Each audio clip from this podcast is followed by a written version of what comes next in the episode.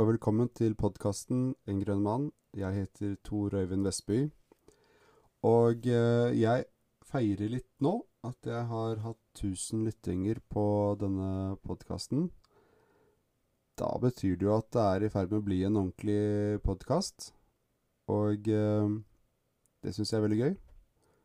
Da er det ekstra motivasjon for å fortsette å lage episoder og opprettholde podkasten. I dag så er tema Kan ungt blod gi evig liv? Og eh, det er relatert til um, en sånn bevegelse som kalles transhumanisme, på en måte.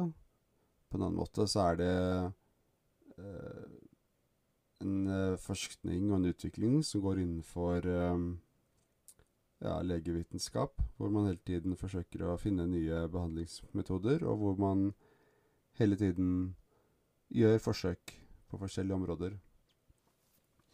Jeg har uh, lagt ut uh, dette, dette podkasten har jo først vært et innlegg på, på, bloggen min.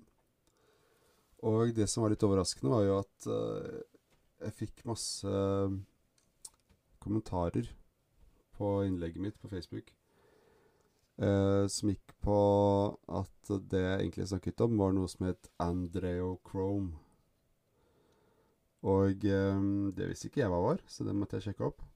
Og det viser seg å være en sånn type konspirasjonsteori uh, som går ut på at uh, rike mennesker, elite um, At de de uh, torturerer barn og henter ut av blod fullt av adrenalin og bruker det som et rusmiddel.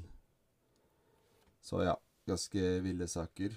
Uh, og grusomt. Og selvfølgelig i all hovedsak kun en uh, vill konspirasjonsteori som har litt, litt belegg i virkeligheten.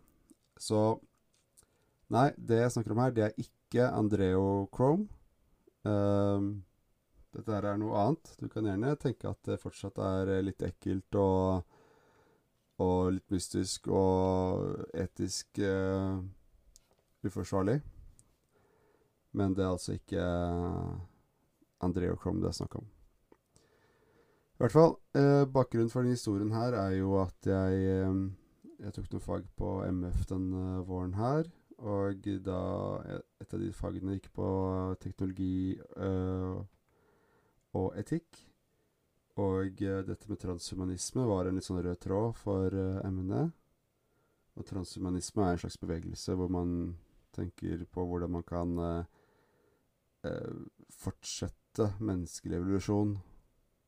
Og på en måte sørge for at menneskeheten utvikler seg i stadig bedre retning, for at menneskene får bedre egenskaper, at man kan eh, kanskje leve lenger, at man kan være friskere lenger. Eh, det er jo det viktigste. Altså, noen har en sånn tanke om at man skal ja, til og med på ulike måter slippe å dø, eller i hvert fall bli udødelig på en digital måte osv. Uh, mens andre er mer opptatt av at man skal kunne modifisere kroppen sin. Uh, at man skal kunne bytte ut kroppsdeler som er syke eller skada med uh, robotproteser. Uh, ja, så det henger også litt sammen med dette cyberpunk-estetikken, som du også finner i videospill, blant annet. Uh, ja. Så jeg skrev, valgte da å skrive en oppgave om, uh, om dette her med blod blodoverføringer fra unge personer til eldre personer. Om hva som er eh, forskningen som ligger bak disse forsøkene, og hvorvidt det har noe for seg. Og også litt det etiske perspektivet rundt det. Eller det etiske perspektivet var jo på en måte hoved, hovedtema. Så øh, ja. Det er altså da et, øh, vært et selskap i USA som da ble starta opp i 2016 av en gründer som heter Jesse Carmazin, som uh, kalte Ambrosia. Ambrosia det er da fra gresk mytologi. Det er navnet på den maten som gudene spiste for å få evig liv. Dette selskapet Ambrosia de solgte da infusjoner med, med plasma, som er da et blodprodukt, fra unge mennesker til eldre for 8000 dollar per behandling. Og det gjorde det under et dekke av å gjennomføre en uh, klinisk uh, studie. Uh, hvis dere har lyst på å se kilder og sånne ting til dette her, så ligger det alltid ute på bloggen min. Um, ja. Det forsøket ble avslutta i 2019, og i utgangspunktet så stoppet da aktiviteten i selskapet opp etter at FDA, som er da Food and Drug Agency, som da tilsvarende Statens legemiddelverk i Norge, de uttrykte bekymring for, um, for disse behandlingene. De advarte om mulige alvorlige bivirkninger og skader som følge av infusjonene. Altså blodinfusjoner, eller blodoverføringer, skjer jo stadig vekk, skjer jo hele tiden selvfølgelig, ved norske sykehus og amerikanske sykehus overalt. Eh, men da hovedsakelig når, når, noen har et blodtap, da, og har eh, ofte et akutt behov for å få inn mer blod. Det er veldig vanlig etter fødsler, f.eks., men også etter da ulykker, skader, hvor noen har mistet mye blod, så får du jo da eh, blodtransfusjoner. Så det er ikke noe sånn Så det i seg selv er jo ikke noe rart eller vanskelig eller eh, merkelig. Men eh, det, er, det innebærer en, en, risiko. Så man skal på en måte Man skal ha gode grunner for å gjøre det uten medisinsk indikasjon, da. Og det var da det FDA uttrykket eh, bekymring for.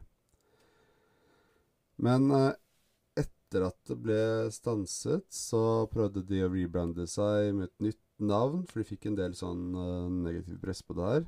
Men de er da byttet tilbake til Ambrosia, og, og driver fortsatt med dette her. At de selger da eh, blodplasma fra unge personer til eldre.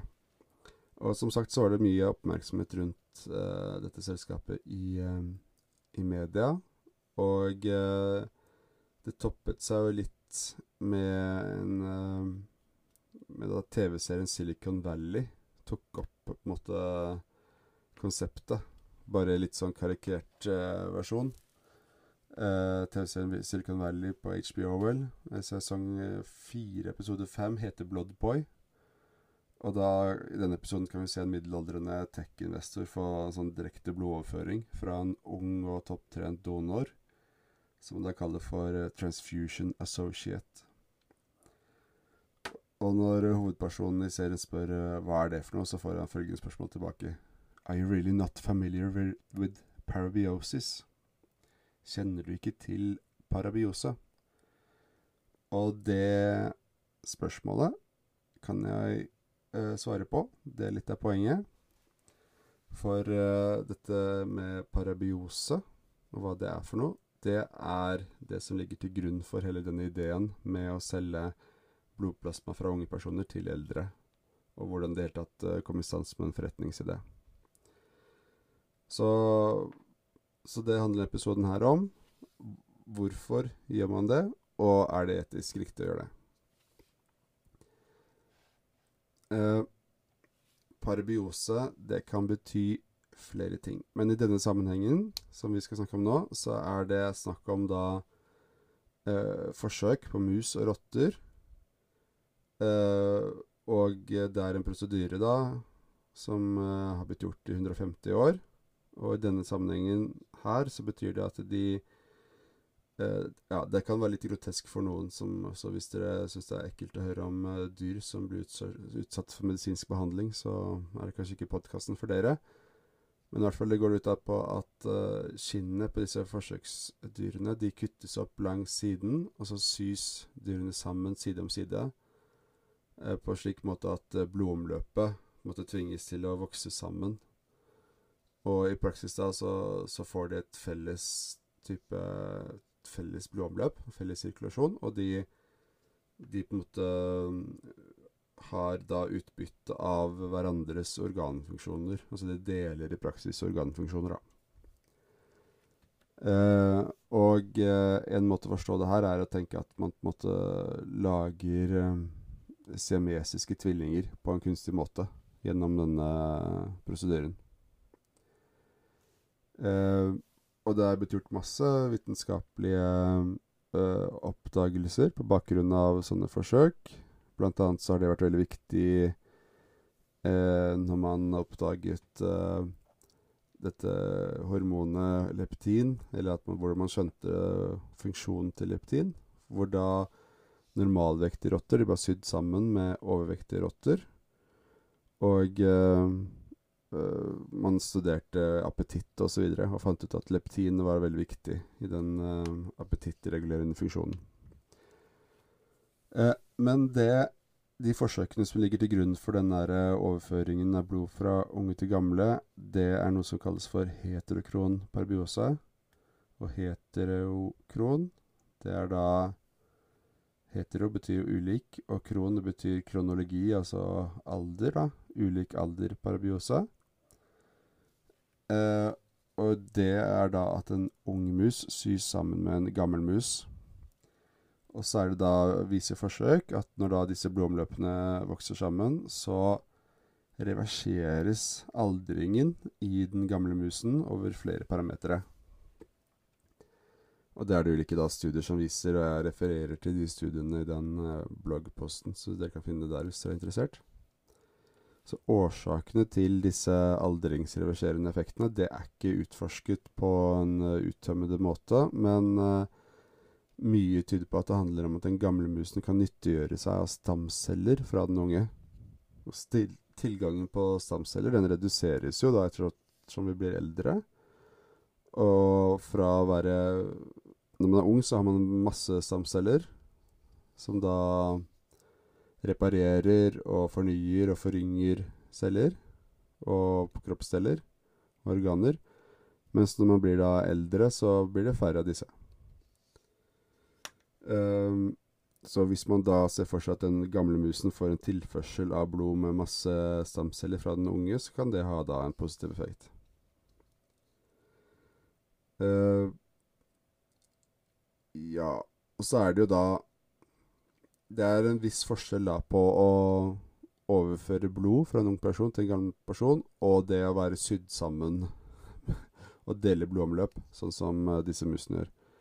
Disse musene de deler praksis alt av organfunksjoner, så at den gamle musen får da nytte av et friskere hjerte, bedre sirkulasjon, eh, en lever og nyre som i bedre grad renser blod osv. Og, og det også tenker at den unge musen den er veldig sånn ivrig og undersøkende, og den tvinger på en måte den gamle musen til å være mer fysisk aktiv. Um, ja, så den gamle musen får ganske enkelt mer trim, og det er jo veldig viktig når det gjelder um, å reversere aldringstegn, eller bremse aldring. Uh, men det er da ingen tvil om at uh, det også utover dette da er positive effekter. Uh, som sagt, dette med stamceller er da sentralt.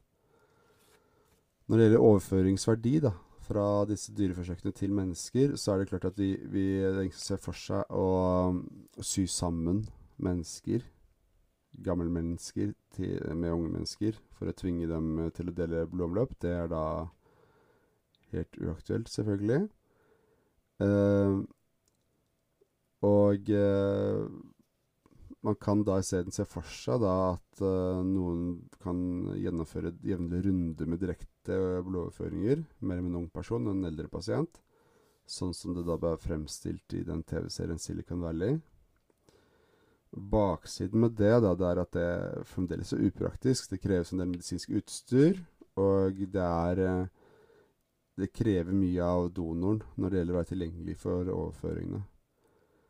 Og, så man skal kanskje ikke se helt bort ifra at noen vil forsøke å gjennomføre det her i praksis, men kostnadene knyttet til det, og på en måte logistikken rundt det, det vil gjøre det til en svært eksklusiv uh, og upraktisk behandlingsform. Og det er der da dette, disse overføringene med blodplasma kommer inn.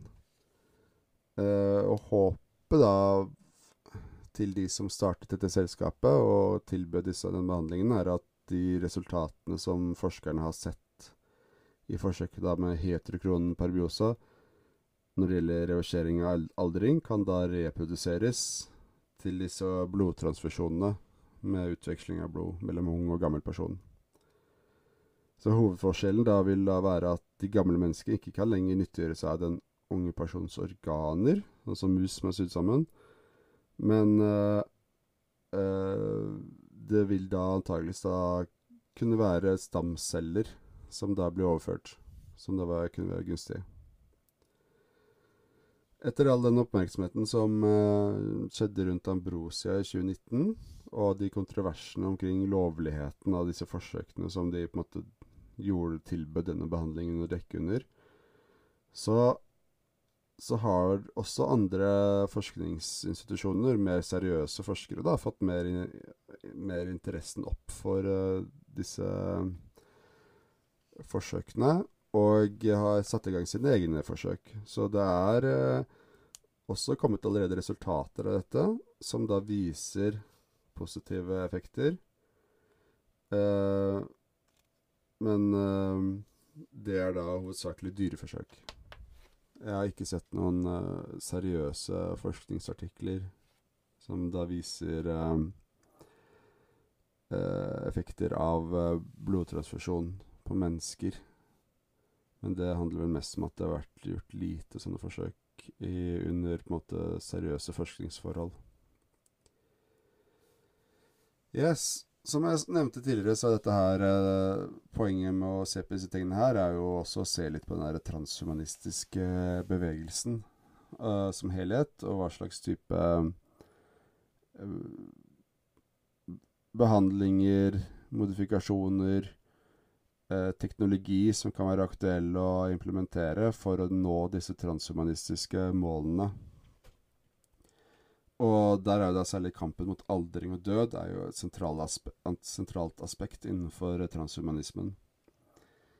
Og eh, en av de mest eh, prominente transhumanistene er jo en britisk eh, Oxford-professor som heter Nick Bostrøm. Nei, Bostrøm. Jeg er litt usikker Kanskje han er svensk? Han er i hvert fall professor på Oxford. Han har skrevet følgende To stay alive is a basic human drive. It's a precondition for all other activities. Life extension is the natural progression of medicine from curing diseases and the effects of aging to preventing them altogether. It follows the dictum laid down by many religions that human life is sacred and should be cherished and preserved. Så for Bostrøm da, og andre transhumanismer er ikke døden nødvendigvis en naturlig del av tilværelsen. Den er heller et problem som er, må løses. Og ulike retninger innenfor den transhumanistiske bevegelsen fokuserer på forskjellige løsninger. Så noen utforsker den medisinske veien der fremskritt innenfor stamcelleforskning, genterapi osv. gir løfter om fremtidige behandlingsformer som kan utsette aldring og død. Eh, og i denne sammenhengen så ses da aldring eh, som mer en sykdom enn en naturlig prosess. Og eh, en annen transhumanisme som fremholder det synet, er uh, David Sinclair, som er forsker på genetikk ved Harvard.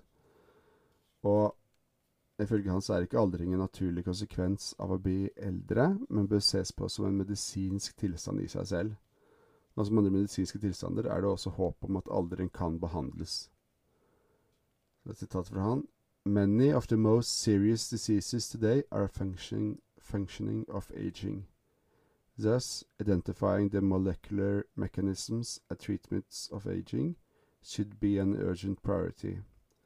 Unless we address aging at its root cause, we are not going to continue our linear upward progress towards longer and longer lifespans. Uh, og da ved å se på aldring som en sykdom som da kan og bør bekjempes, kan det settes da igjen ressurser innen forskning og medisinsk behandling som vil føre til at forventa levealder vil kunne fortsette å stige. Og flere ser da for seg at uh, vi vil kunne møte uh, til en type omfattende foryngelsesbehandling som kunne involvere genterapi og samcelleoverføringer, kanskje hvert 20. år og på den måten da stille aldringsklokken tilbake. I teorien da uendelig mange ganger. Eh, den britiske transhumanismen og aldringsforskeren Aubrey de Grey mener at det første mennesket som vil kunne da bli 1000 år gammelt, mest sannsynlig allerede er født. Eh,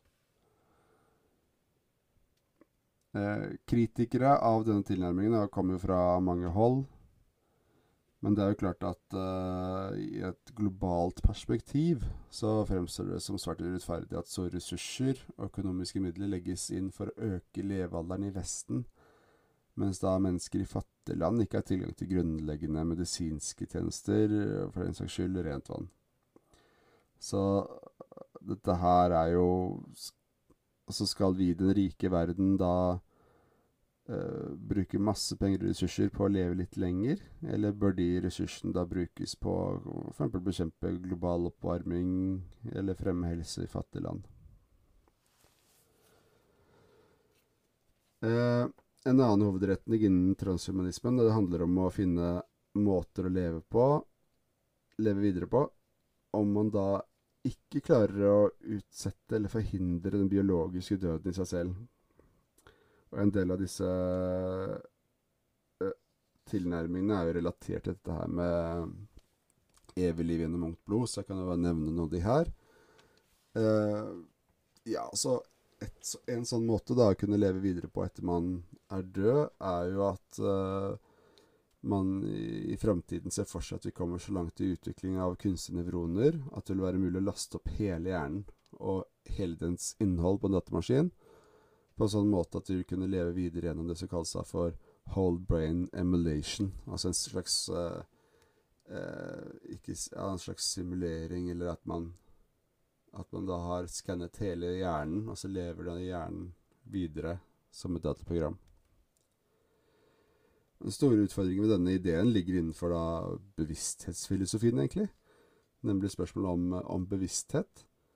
Eh, er det rimelig å tenke at eh, den bevisstheten vi har, den følelsen av å være til stede og våken og ha agens i verden, er det Kan vi se for oss at den kan liksom overføres til en datamaskin, og at vi da vil leve videre i en sånn type datamaskin?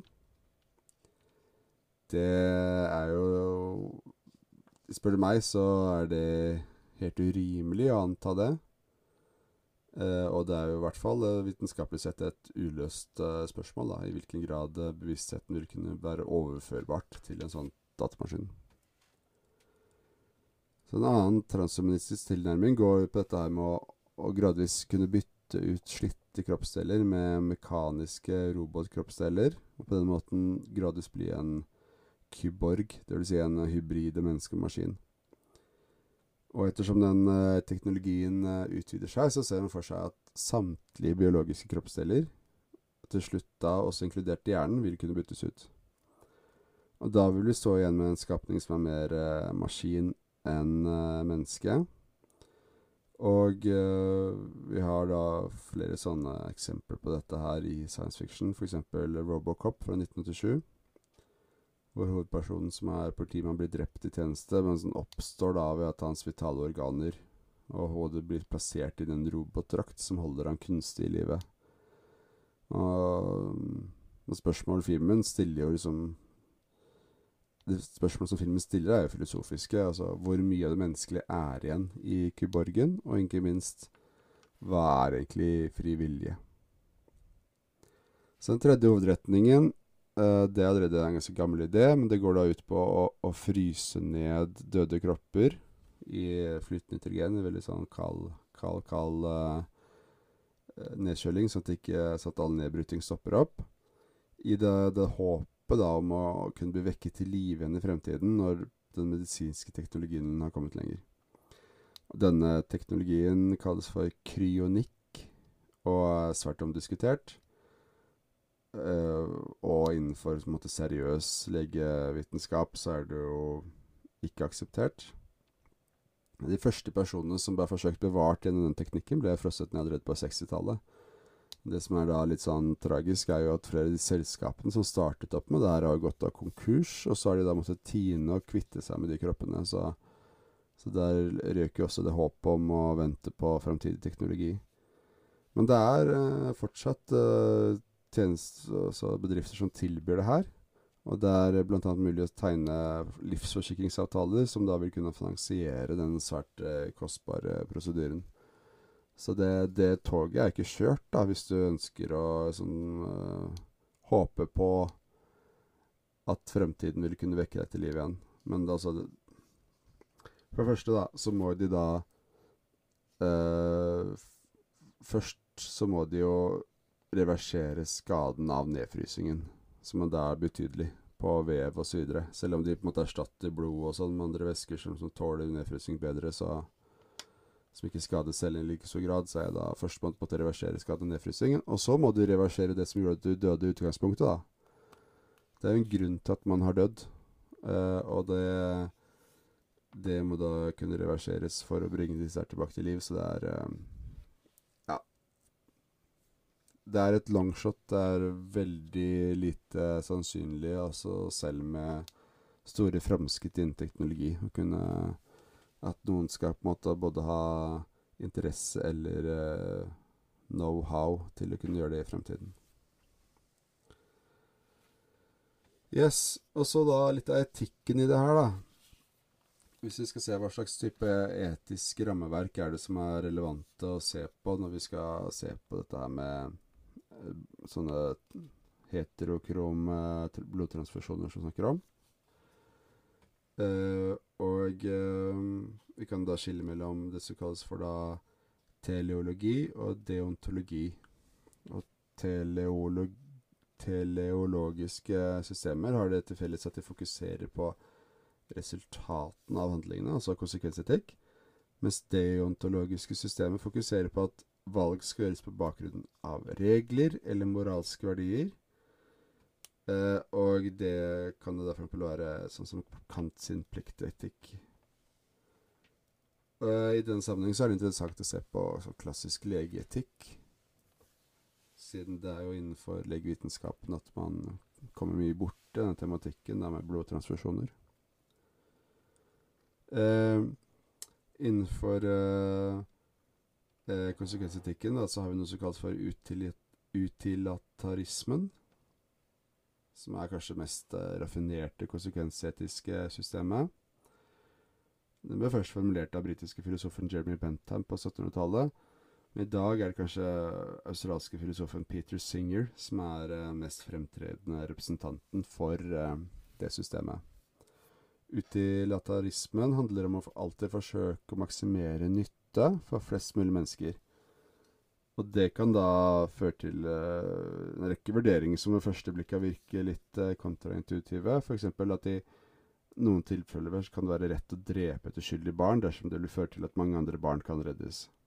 Det er litt sånn der uh, disse her togbaneskinnende tankeeksperimentene som sikkert mange har sett. Hovedutfordringen med utilatarisme er at den ofte vil bryte med våre moralske intuisjoner. Så innenfor utilatarismen kan det f.eks. i mange tilfeller være moralsk riktig, og også på en måte påbudt, da, å på begå handlinger som å stjele, lyve, drepe osv. Som vi som vi vil oppfatte som moralsk gale, dersom det da fører til et positivt resultat for større antall mennesker enn det handlingen rammet. Og Peter Singer da, er jo da f.eks. tilhenger av aktiv dødshjelp, og mener at foreldre bør kunne få vurdere om deres barn, dersom det er født med store misdannelser eller sykdommer og lignende, skal, skal, kunne motta aktiv dødshjelp i en periode også etter fødselen, for å spare det for liksom, et kort liv fullt av lidelse. Og det er sånn som veldig få vil være med på. Det bryter veldig med våre moralske intuisjoner å ta livet av på en måte et barn som har på en måte overlevd svangerskap og fødselen og er levedyktig, i hvert fall sånn utgangspunktet. Um, ja, så på den positive siden så kan det nevnes at utilitarismen pålegger at alle som har evne til å gi penger, skal da gi pengene sine til veldedige organisasjoner for på den måten redde liv, f.eks. ved å skaffe til veie myggnettinger til fattige familier i malariautsatte områder. Så Petrus Singer vil jo ofte da eh, peke på dette her eh, tankeeksperimentet, at hvis du ser et barn som er i ferd med å drukne eh, på vei til jobb i en grunn eh, i en grunn dam, Og eh, hvis, hvis du da har muligheten til å redde det barnet, men du vil på en måte ødelegge jobbklærne dine, da, som koster litt penger, og kanskje den dyre eh, skinnveska, vil du da likevel gjøre det? Og da vil du på en måte Selvfølgelig de aller fleste si ja, selvsagt hvis jeg ser et barn som er i ferd med å drukne, så bryr jeg meg ikke om hva jeg har på meg. Da hopper jeg ut i dammen og på en måte redder barnet, da. Særlig hvis jeg kan gjøre det helt uten risiko for meg selv. Annet enn at jeg kan ødelegge klærne. Og da vil jo Peter Singer si at uh, ytterste konsekvens, da, så vil han jo si at Ja, OK, men hvis du sier at du har på deg klær som er verdt uh, 10 000 dollar, uh, og at de vil bli ødelagt og ubrukelige ved at du hopper ut av den dammen og redder barnet, så er det faktisk uh, ytterste konsekvens det er bedre at du, du selger de klærne du går forbi barnet, som er i med å drukne, og så går du og selger de klærne. Og så bruker du da de pengene på myggnettinger til malariautsatte områder eh, i Afrika, hvor mange barn dør av malaria. For da vil, du, da vil de samme måte, pengene da redde flere liv. Så ja. Det er um, Verdibørsen har hatt noen gode programmer hvor de diskuterer de tingene her, så det er et interessant spørsmål. Så neste er da pliktetikken. Uh, pliktetikken handler om at det finnes etiske prinsipper som man skal følge, uavhengig av konsekvensene. Så en pliktetiker vil da f.eks. si at det er galt å drepe en person. Alltid galt å drepe, selv om man også kunne på en måte brukt organene til personen til å redde livet til fem andre personer. Selv om denne personen uh, på en måte var en grusom person som ingen likte, så vil det fortsatt være galt, da. Og Det handler da om at uh, et individ har visse grunnleggende ukrenkelige rettigheter, og personer kan aldri reduseres et middel for å oppstå større goder. Uh, intensjonen bak handlingene også vil da være viktig. Pliktetikeren Immanuel Kant, som levde da på eh, 1700-tallet hovedsakelig, formulerte bl.a. prinsippet om det kategoriske imperativ, som eh, kort sagt handler om at man skal handle på en slik måte at de valgene man gjør i en situasjonen, kan formuleres som en, da, en universell lov. Altså du skal, du skal, på en måte være komfortabel med at den handlingen du gjør i en sånn situasjon hvor du må vurdere ulike ting, alt handlingsalternativer, den, uh, den Hvis den hadde blitt uh, på en måte generalisert og gjort til allmenn lov, så ville du vært komfortabel med det da. Innenfor legevitenskapen, da, så har, du, har man lang tradisjon for å, at studenter og de som skal bli nye leger, de skal avs, avsverge Eller de skal ikke avsverge, de skal sverge den hippokratiske ed. Og den har røtter til eh, antikkens medisinske tradisjon og knyttes til kretsen omkring den greske legen Hippokrates, som levde sånn ca. 460-377 før Kristus på øya Kos. Den opprinnelige versjonen inneholdt forbud mot å bistå til både abort og forbød all kirurgi, så i dag så benytter man mer en modifisert eh, versjon av eden. Men det fra 1700-tallet så har det utledede prinsippet primum non nocere, eller altså da først og fremst ikke skade. Det har på en måte vært det viktigste prinsippet eh, fra den hippokratiske ed. Og det, det kan på en måte utledes av sitatet fra eden Det er lang ed, da. Men et av sitatene er da 'aldri skade, av og til helbrede, ofte lindre, alltid trøste'. Men fremfor alt aldri skade. Og Det har vært et styrende etisk prinsipp for leger verden over siden, og er fortsatt toneangivende når det gjøres legeetiske vurderinger i dag. Og dersom vi skal plassere valgspråket primum non nocere i et av de to nevnte etiske tradisjonene, da, enten altså pliktetikk eller konsekvensetikk, så vil det bli pliktetikk. Så problemene til valgspråket er at det kan føre til noe som kalles for terapeutisk nihilisme. Altså det betyr at man i frykt for å gjøre mer skade enn godt avstår fra å behandle, alle i alle tilfeller der hvor det er til stede en risiko for at behandlingen vil kunne skade eller drepe pasienten. Så et eksempel på dette er at når man f.eks. da Når lege behandler pasienter som har fått eh, blodpropp i hjernen, det som vi ofte kaller for slag, så bruker man uh, ulike sånn, medikamenter da som løser opp uh, Som kan løse opp blodpropper. Det kalles da trombolyse. Uh, og det gjør man for, for å måte få sirkulasjon igjen da, til disse rammede områdene. Men problemet med trombolyse er jo at i eh, 1-2 av tilfellene så vil den da utløse en hjerneblødning. Da har du på en måte motsatt problem, da. At det, at det lekker blod ut av blodkarene i hjernen. Og det kan da være fetalt. Altså pasienten kan dø av den behandlingen, da. Så leger som utfører eh, denne behandlingen, vet at i én av 100 behandlinger risikerer de Altså statistisk sett da, vil da pasienten dø i én av 100 behandlinger. Likevel da fortsetter de da å utføre denne behandlingen, fordi du vet at statistisk sett så blir langt flere eh, reddet da, eh, enn de som blir skadet. Men da har du også en del situasjoner hvor eh, pasienter som eh, har fått slag, men som da ikke er livstruende skadet av det slaget, men at de har da fått De er jo da allerede fått, eller er i risiko for få en hjerneskade, sant? Men de er ikke i livsfare. De får da denne trombolysebehandlingen i håp om at de skal liksom kunne redde disse rammede hjerneområdene. Med da den uh, kunnskapen om at uh, det er en viss risiko da, for at de vil eh, dø av den behandlingen. Ja. Uh, dette her er ikke jeg ekspert på selv, selvfølgelig, så jeg har jo har artikler som omhandler det her, hvis noen vil se nøyere på det. Så vi kan, vi kan, se, vi kan se på sånn, sånn at uh, legeetikken det er på en måte pliktetikk i teori, men ofte så blir det utilaterisme i praksis. Så primum non nocere er jo et pliktetisk grunnlag. Men leger utøver da stadig skjønn som går i en mer sånn konsekvensetisk eh, retning. eh, Når det finnes et faktagrunnlag, altså statistikk osv., som gir grunnlag for det.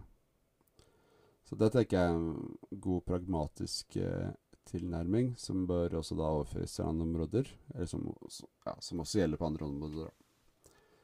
Eh, så pliktetikken kan ligge til grunn, og så kan da avvikes når vi på en måte er trygge på at vi har nok informasjon til å kunne gjøre en utilitaristisk vurdering som står i strid med pliktetikken. Eh, ja litt, Enda litt videre på dette her med legeetikk. Merker jeg at denne podkasten handler om en del andre ting enn bare eh, heterokrome blodtransfusjoner. Men det er litt sånn det ble. For bakgrunnen er den oppgaven jeg som jeg da skrev til det emnet jeg tok. Um, ja, legeetikk. Uh, innenfor legeetikk så er det også da diagnosens makt et sentralt poeng. Altså at når du da får en medisinsk diagnose, så representerer den noe mer enn en merkelapp. Den eh, Når den blir gitt innenfor rammen av et eh, moderne velferdssamfunn, så har helsevesenet en plikt til å tilby relevant og god behandling på bakgrunn av diagnosen. Så det utløses en rekke rettigheter for pasienten. I tillegg til rett til behandling, da så kan du også få rett til sykelønn. Uh, og ikke minst så skaper da en diagnose en anerkjennelse av pasientens plager og lidelse. Så det bringer oss videre til dette her med transhumanisme og blodoverføringer. For det er ikke uten konsekvenser at det fremmes en påstand fra transhumanister, transhumanister om at aldring skal oppfattes som en sykdom. Um, for da, hvis man på en måte anerkjenner det, så kan det da utløse disse rettighetene og pliktene fra helsevesenets side, som jeg nevnte nå tidligere. Når det gjelder da hvilken grad man skal diagnostisere ting som lege, så er det da to grøfter å, å falle i. Det er da overdiagnostisering og underdiagnostisering. Uh, og det henger da sammen igjen med da overbehandling og underbehandling, som da begge deler er dårlig. Altså det er ikke noe Det er ikke god helse å overbehandle. Begge er problematiske å unngås. På bakgrunn av frykten for overbehandling så vil transhumanister da møte motstand fra legestanden når det kommer da med sin påstand om at aldring er en sykdom. Leger vil f.eks. si at transhumanistene sykeliggjør selve livet, og at aldring og død er en naturlig og uunngåelig del av livet. Så hvis jeg skal gjøre en sånn helt på bakgrunn av disse tingene her, gjøre en sånn helhetlig etisk vurdering av hvorvidt det på en måte er eh, etisk forsvarlig å overføre da blod fra unge personer til eldre, i da håp om å måte reversere disse aldringstegnene, så, så vil jeg da tenke at vi bør legge til grunn det der uh, legeetiske prinsippet premium non nocere, altså fremfor alt ikke skade. Uh, og det er jo derfor de har fått så, møtt så mye motstand, også disse som driver med det her. Fordi uh, vurderingen er at det vil alltid være risiko for skade og alvorlige komplikasjoner til stede med sånne type overføringer. Og leger vil heller ikke anse aldring som en diagnose i seg selv. I hvert fall ikke foreløpig er det slik. Og dermed så er ikke på en måte eh, det verdt å ta den type risiko for å måtte behandle, behandle aldring i seg selv. da. Um, så nå har vi jo sett da at innenfor legeetikken så, så kan uh, leger avvike fra ren pliktetikk når de på en måte har et, et faktagrunnlag, et informasjonsgrunnlag, som tilsier at de kan gjøre det, f.eks. i et sånt utilitaristisk perspektiv. Og dersom aldring i framtiden vil bli anerkjent som sykdom, og forskning viser at blodtransfusjoner med ungt blod vil kunne gi nytte i f.eks. økt helsespenn, som da som betegnes på friske leveår, i et slikt omfang at det oppveier for risikoen som er til stede ved blodtransfusjoner for både donor og mottaker, så vil det kunne bli vurdert som legeetisk eh, forsvarlig. Så i tillegg, da, så kunne jeg inkludert en hel del andre etiske perspektiver som kunne på en måte problematisert spørsmålet ytterligere. F.eks. dette her med ulikhetsperspektiver, at det er veldig dyr behandling. Eh, du kan også føre til at prisene på, på måte, blodprodukter eh, stiger, fordi at det på en måte blir et større marked. Da. Det er flere som er interessert i dem. Og så er det dette generasjonsperspektivet. Altså skal unge mennesker være til for de gamle, på en måte. For at de gamle skal ha bedre helse. Men det Ja, jeg har ikke gått i dybden på det. Men det, ryktet som dette selskapet Ambrosia og han gründeren Jesse Carmesen uh, har, er veldig dårlig. Og det tenker jeg er veldig for sent. Fordi uh, selskapet har praktisert en veldig sånn uforsvarlig uh, praksis når det gjelder disse blodoverføringene. Både i på en måte forskningsetiske Det var en veldig dårlig eh, forskning de drev med. Med ingen blinding eller uh, noen ting av disse undersøkelsene. Ingen uh, placebo-gruppe osv. Um, og det er også da selvfølgelig veldig problematisk i et sånt ulikhetsperspektiv at disse behandlingene er så forferdelig dyre. Men vi kan likevel se for oss at en sånn type behandling som er relatert til dette her på en eller annen måte, kan, kan komme til å kunne bli dekket som et, uh, en behandlingsform i Norge. Hvis vi ser at måte, seriøse forskningsinstitusjoner måtte klare å dokumentere positive helsegevinster, og at liksom, netto nytte da, vil uh, oppveie risiko ved behandlingen. Um, Så det Hva skal vi konkludere med til slutt?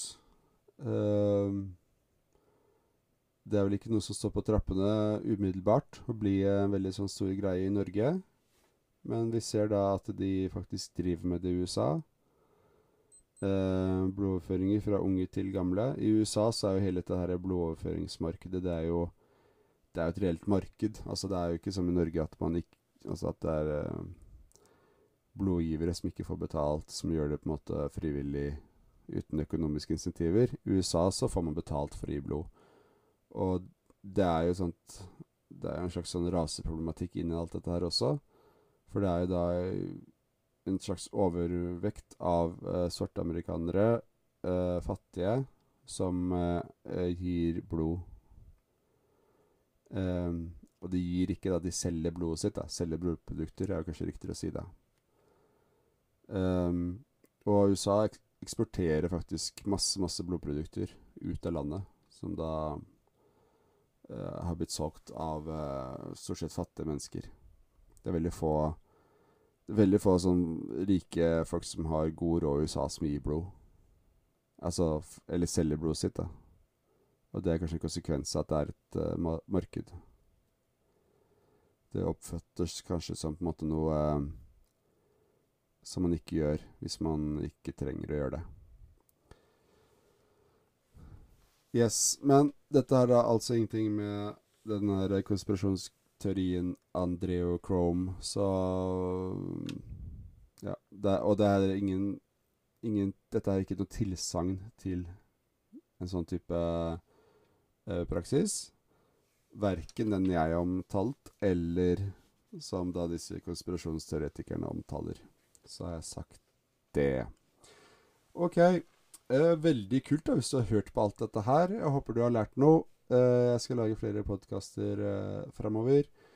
Jeg har en, en uh, nettside, uh, vesby.com, uh, hvor du kan gå inn og se de tingene jeg har skrevet. Der ligger også linker til podkastepisoder osv. Ellers kan du gå inn på Facebook-siden min, som det er Tor Øyvind Vestby på Facebook. Hvor du da også finner uh, linker til uh, ting jeg har skrevet og lagt ut på podkast. Hvor du også da kan komme med kommentarer eller, og være med å diskutere disse ulike tingene som jeg tar opp. Da Da er det stadig noen kommentarer, og jeg prøver å følge med der og svare på kommentarer osv. Yes, så dette ble en litt annerledes episode med mye sånn uh, blod og etikk. Men jeg kommer til å komme tilbake da med mer eh, teologi etter hvert. Og jeg skal snakke om panpsykisme, har jeg tenkt. Og masse gøy. Så følg gjerne med på senere episoder. Tusen takk for at du har lyttet. Jeg setter veldig stor pris på det. Uh, takk for i dag. Thank